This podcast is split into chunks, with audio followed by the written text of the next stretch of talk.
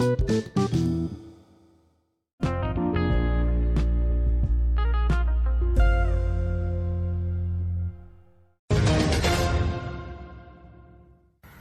Sejak virus corona baru atau COVID-19 mewabah di Wuhan, Tiongkok, para ilmuwan berlomba untuk menemukan vaksinnya. Ini bukan adu lomba sains saja, tapi merupakan perjuangan menyelamatkan manusia dan juga kemanusiaan. Di segmen ini, Fakta Data mengupas berburu vaksin penangkal virus. Kita mulai dari wabah SARS yang pertama kali muncul di Guangdong, Tiongkok November 2002. SARS merupakan penyakit menular yang mempengaruhi sistem pernafasan dan disebabkan oleh virus corona SARS atau SARS-CoV. Virus ini menyebarkan layaknya virus influenza melalui kontak langsung, bersin, dan batuk. Virus corona ini menyebar sangat mudah dan cepat. Pada tahun 2003, SARS meluas hingga ke 26 negara. Lebih dari 8.000 orang terinfeksi dan 775 orang meninggal dunia. Gejala penyakitnya mirip influenza, seperti sakit kepala, batuk, demam, lemas, nyeri otot, dan menggigil. SARS atau sindrom pernafasan akut berat menyebabkan sekitar 10 persen penderitanya meninggal dunia. Dan kabar buruknya hingga kini vaksin SARS belum ditemukan. Sementara antibiotik masih belum efektif meredam SARS. Flu babi atau swine flu merupakan jenis influenza yang paling ganas. Virusnya dikenali sebagai H1N1 dan pertama kali diidentifikasi pada tahun 2009.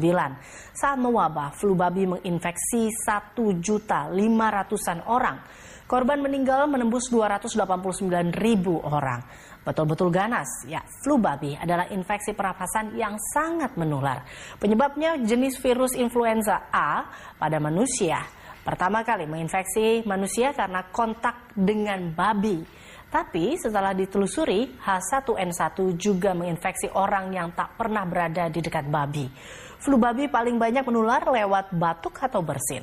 Karena gejalanya mirip flu biasa, flu babi sulit dibedakan dengan flu biasa. Pada Agustus 2010, WHO menyatakan pandemik flu babi telah berakhir. GlaxoSmithKline mengembangkan Pandorix sebagai penangkalnya. MERS atau Middle East Respiratory Syndrome merupakan sindrom pernafasan Timur Tengah yang pertama kali muncul pada tahun 2012 lalu.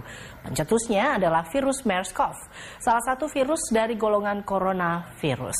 Negara-negara yang terpapar antara lain Arab Saudi, Yaman, dan Yordania. Waktu itu MERS menginfeksi 2.494 orang dan menyebabkan 858 orang meninggal. Gejala MERS mirip dengan flu biasa. Misalnya demam, batuk-batuk, napas pendek, gangguan pencernaan seperti diare, mual, dan muntah, serta nyeri otot. Sering juga ada tanda-tanda pneumonia. Laman Johns Hopkins Medicine menyebutkan belum ditemukan obat untuk menangkal MERS. Namun, National Institute of Health melaporkan vaksin Remdesivir dapat menangkal MERS. Penelitian menunjukkan vaksin remdesivir berhasil mencegah penyakit pada kera resus yang terinfeksi MERS. Tapi, yaitu tadi, vaksin ini baru diuji coba terhadap kera. Bagaimanapun ini titik terang karena itu remdesivir akan diterapkan dalam uji klinis antivirus COVID-19. Flu berikut ditularkan oleh burung. Maka kondang disebut dengan flu burung. Virus flu burung ada dua jenis, yaitu H5N1 dan H7N9. Flu burung pernah mewabah di Asia, Afrika, Timur Tengah, dan beberapa bagian Eropa. Awalnya, flu burung ditemukan di Italia tahun 1878. Lalu muncul di Amerika Serikat tahun 1924 sampai 1925 kemudian menulari manusia di Hong Kong pada tahun 2003 lalu. Pada tahun 2013, flu burung menginfeksi 1.568 orang dan menyebabkan 616 orang meninggal. Virusnya merupakan jenis H7N9. Rasio fatalitas atau kematian akibat flu burung mencapai 39,30 persen. Masa inkubasi virus dari masuk ke tubuh manusia sampai menimbulkan gejala adalah 3 sampai 5 hari. Gejalanya antara lain demam, sakit kepala, pegal-pegal, pilek, batuk, dan sesak. Dokter juga biasanya akan memberikan obat-obatan antivirus agar penyakit tidak berkembang makin parah. Antivirus yang diberikan kepada penderita flu burung antara lain oseltamivir dan zanamivir. Pada 2014, virus Ebola melanda sejumlah negara di Afrika Barat dengan tingkat kematian mencapai 71 persen.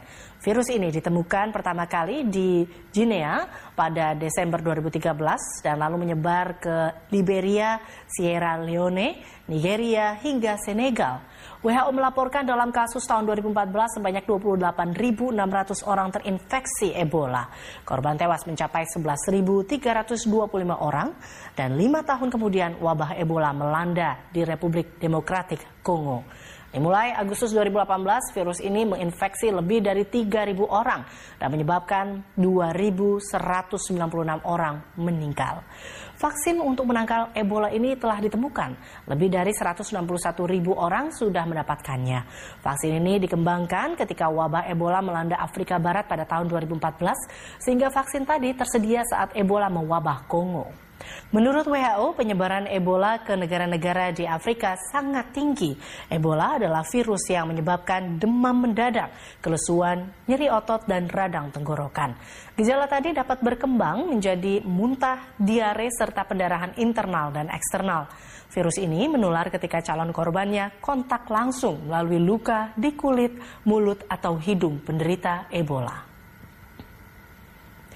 Virus corona baru atau COVID-19 telah menyebar ke banyak negara. Korea Selatan, Jepang, Italia, Iran merupakan negara yang harus berjibaku dengan virus ini karena tingginya kasus terinfeksi atau positif COVID-19. Italia misalnya secara resmi melakukan lockdown atau menutup seluruh kotanya mulai Selasa 10 Maret lalu. Korban terpapar COVID-19 di Italia terus meningkat.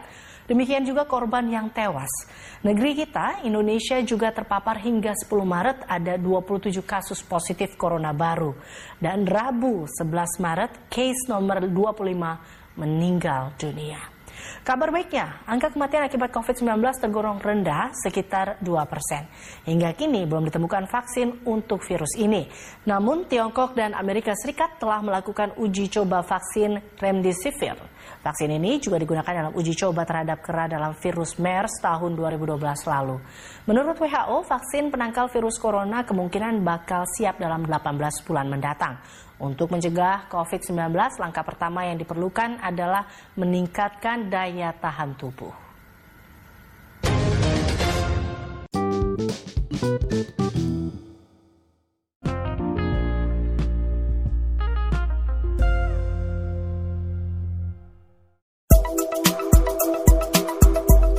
Indonesia menjadi negara ke-52 yang mengumumkan status warga negaranya terinfeksi virus corona atau COVID-19. Hingga saat ini belum ada vaksin yang mampu menangkal. Maka pencegahan infeksi menjadi cara yang efektif untuk menurunkan peluang penularan. Apa saja yang harus diperhatikan?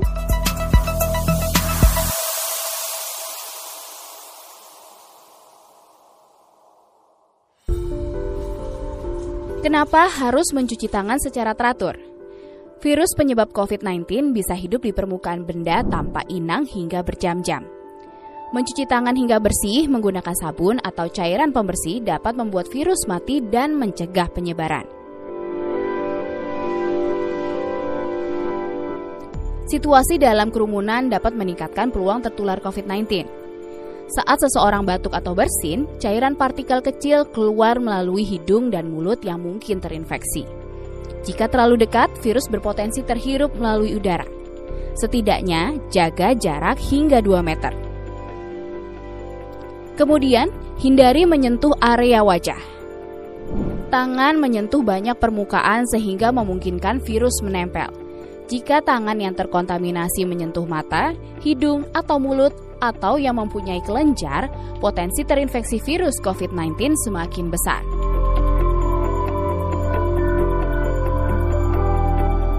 Pastikan Anda dan di sekitar bisa bernafas dengan baik dan sehat tanpa gangguan termasuk menutup hidung dan mulut saat bersin atau batuk dengan menggunakan tisu atau masker, atau bisa menggunakan bagian dalam siku.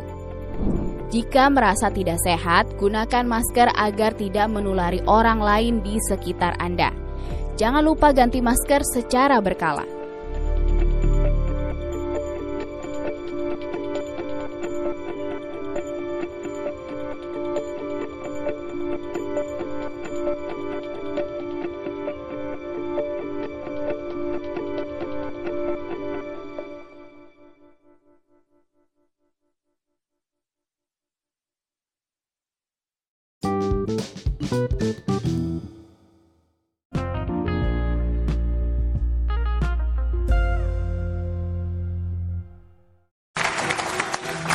Masih bersama saya Budi Tanurjo di satu meja The Forum. Kembali ke Prof Nidom. Prof Nidom, tadi ada pertanyaan dari uh, teman saya uh, Uni mengatakan bahwa apakah memang laboratorium-laboratorium yang ada di daerah memang belum siap atau belum belum cukup punya kemampuan untuk mendeteksi apakah seseorang uh, positif terkena corona atau tidak sehingga harus dimonopoli ke Litbangkes?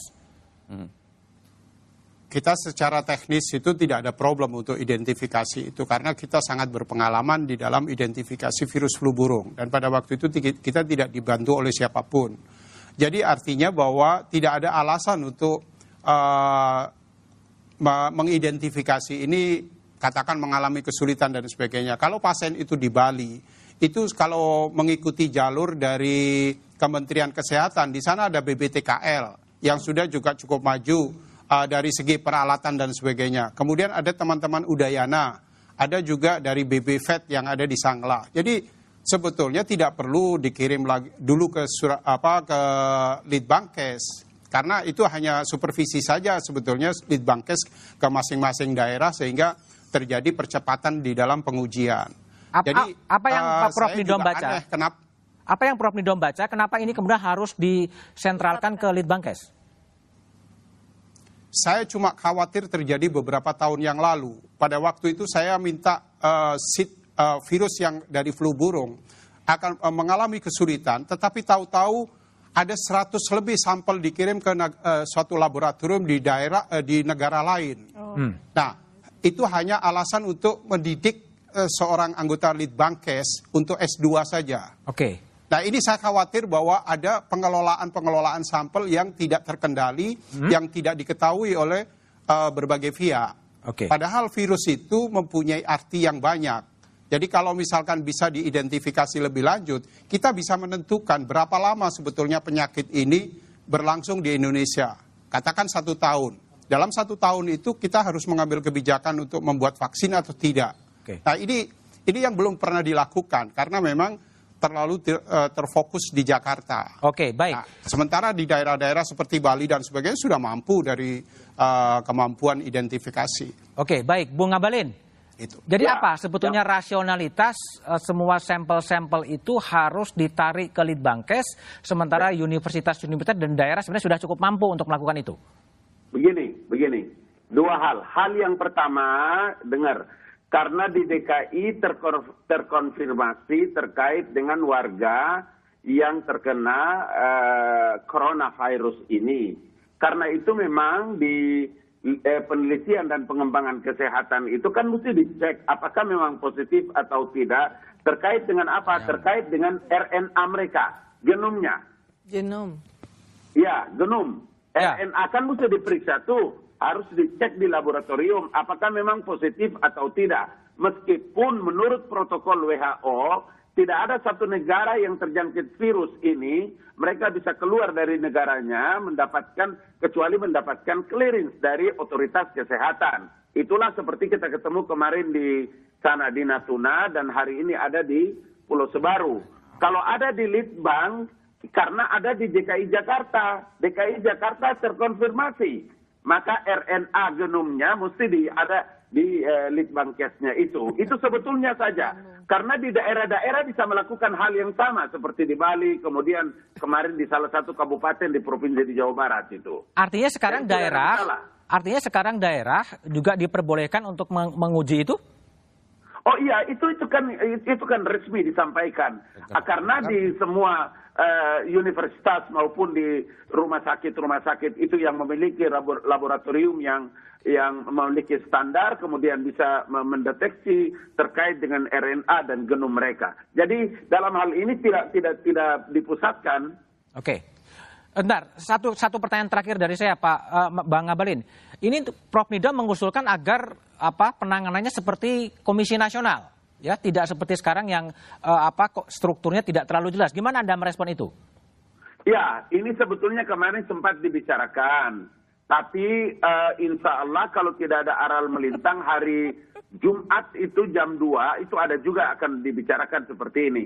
Usulan ini uh, terima kasih kepada Pak Nidam. Ada beberapa juga teman-teman bapak-bapak para cerdik pandai yang mengusulkan tetapi kan mesti harus dibicarakan karena penanganannya ini kan masalah yang kalau-kalau ini terjadi secara nasional, sehingga harus dibicarakan bagaimana teknisnya siapa menjadi penanggung jawabnya untuk bisa menangani kasus seperti, seperti ini.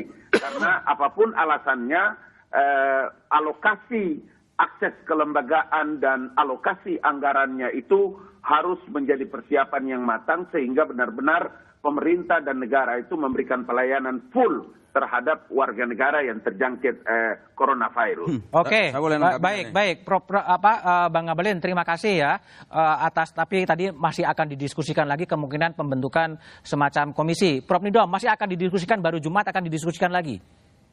Saya terima kasih untuk Prof. Ya Nidam. mudah-mudahan. Profesor Khairul. Anwar Nidam. Oke, Guru. oke, Terima gimana. Prof Nidom? Jadi baru masih akan didiskusikan. Ya kalau itu beribahasa daripada tidak sama sekali lebih baik terlambat kan. Oke, Saya- baik, baik. Saleh, gimana? Pertama ya dari penjelasan yang disampaikan Bang Ali Mukhtar Ngabalin dan juga uh, Profesor Nidom tadi, saya punya kesimpulan sendiri. Hah? Sebetulnya ini malah justru menambah kekhawatiran dan kecemasan Mana? masyarakat. Ya contoh misalnya, tadi dikatakan ini kok belum membentuk Komnas Ya. atau tim Was atau apa pun namanya gitu. Kan masih muter ke sana kemari. Muter-muter. Jawabannya Bang Ali Mukhtar Ngabalin tuh menurut saya ini muter. Muter. Ya ini di KSP, tapi instruksi presiden. Oke. KSP merintahkan menteri-menteri kan begitu jawabnya. Mestinya kan ada satu panglima perangnya seperti yang Oke. tadi Mas Budi sebut itu, tapi ternyata enggak. Oke, Keluar. Masih baik. hari Jumat nanti. Masih ada Jumat didiskusikan. Kemudian yang berikutnya, saya masih khawatir lagi misalnya ketika Profesor Nidom mengatakan ini bisa jadi gunung es. Hmm. Kan begitu tadi. Ya. Nah, jangan-jangan memang yang tadi 34 itu itu yang hanya masih ditemukan. Hmm. Yang tidak ditemukan Oke. ataupun masih di luar sana yang kita tidak kenali itu Oke. belum tahu berapa gitu loh. Oke. Itu berarti menambah kecemasan lagi. Kemudian kecemasan yang berikutnya yang belum dijelaskan dari semua diskusi ini sebetulnya adalah soal anggaran. Oke. Anggarannya sebetulnya dari mana? Dari mana? Oke, penanganan baik, Ini, ini baik. kan belum belum Baik. tuntas. Oke, saya, saya terakhir ke uh, Prof Nidom. Prof Nidom, dalam perkiraan Anda sebagai yang apa meneliti soal virus ini kapan akan akan akan selesai uh, wabah uh, virus corona di Indonesia?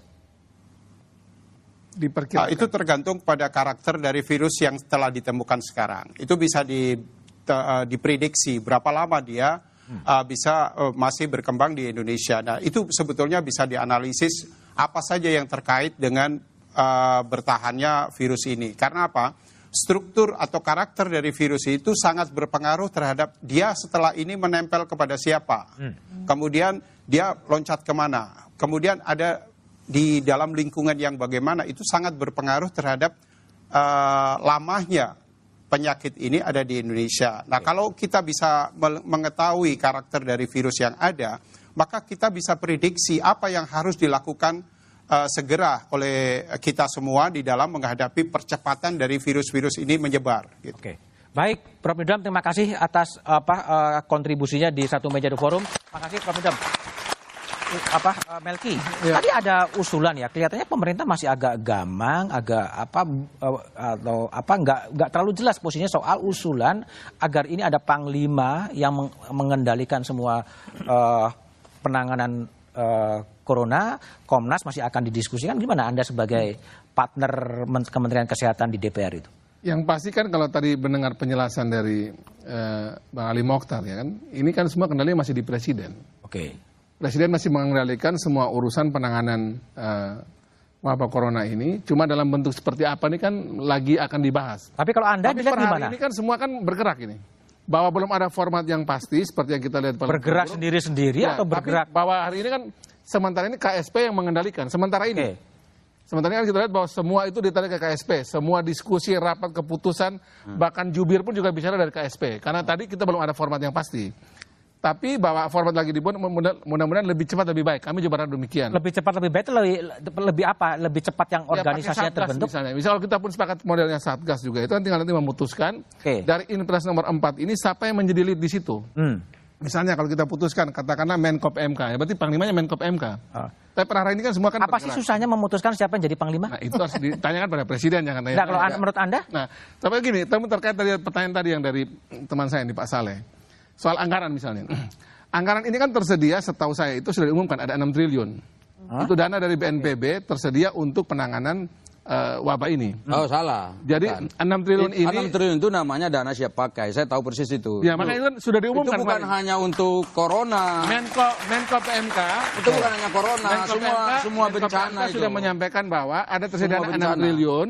6 triliun ini bisa dipakai, itu dananya punya BNPB bisa dipakai untuk penanganan wabah ini. Oke. Memang nanti yang akan menjadi pelaksana adalah teman-teman di Kemenkes. Tapi ini pakai dananya punya BNPB. Oke. Nah, memang sekali lagi ini apa ya kita bicara mozaiknya tuh ada, tapi memang ini belum dibuat utuh dalam sebuah gerakan bersama. Lambat ya. Kenapa? Kenapa? Nah, itu yang tentu jangan tanya ke saya. Ah. Kita mesti tanya kepada eh, panglimanya Pak Presiden Jokowi. Oke. Mudah-mudahan lebih cepat diputuskan sehingga yang tadi ini kita bicara soal meredam kecemasan publik ini bisa kemudian ketemu Oke, jalannya. baik. Jadi soal anggaran tadi, Pak, saya potong sedikit. Memang itu ada 6 triliun, tapi itu namanya dana siap pakai. Dana siap pakai untuk Itu ya sebuah bencana. Di, itu di, Oke. di itu di bendarawan negara itu dananya itu bukan di BNPB sebetulnya. Tapi jika ada bencana, Oke. memang itu bisa dipakai. Tapi bukan hanya Untuk corona. Bukan hanya corona. Oke. Itu Satu, kemudian yang kedua, yang aneh itu kan tadi ini jangan-jangan belum terbentuk tadi apa tuh Komnas Oke. atau tim was atau apa tadi itu justru karena mungkin anggarannya belum siap. Hmm. Nah, saya mau katakan ini, ini kan yang aneh itu kan anggarannya belum dijelaskan berapa, totalnya Menteri Keuangan belum pernah kita dengar berapa sebetulnya yang sudah disiapkan untuk sementara ini untuk ini belum ada. Tapi tiba-tiba Menko Perekonomian sudah mengatakan nanti kita akan keluarkan paket stimulis perekonomian untuk loncat lagi ya? mandeknya Oke. perekonomian kita satu triliun. Tapi tunggu, Oke. tunggu. Yang, Yang yang, sebentar, yang oke, 6 T ini sudah disampaikan, Pak. Sebentar, Enggak, yang satu 6 triliun triliun pakai ini sudah stimulus itu. disampaikan bahwa ada anggaran yang disiapkan. Iya, itu bukan disiapkan, itu dana siap pakai memang sudah diketok dari sananya. Itu kan, Setiap tahun ada. sudah ada, bisa bukan dipakai. hanya karena Oke, virus corona. ya baik. Tapi Bukan pertanyaannya adalah corona kalau memang Setiap nanti tahun selalu ada. Bentar, Bung Saleh, kalau memang hasil dari Litbang Kompas itu sebenarnya publik juga udah ada keinginan agar dibentuk semacam satuan tugas agar ini terkoordinir. Tapi jawaban elaborasi Toto setelah jeda berikut ini.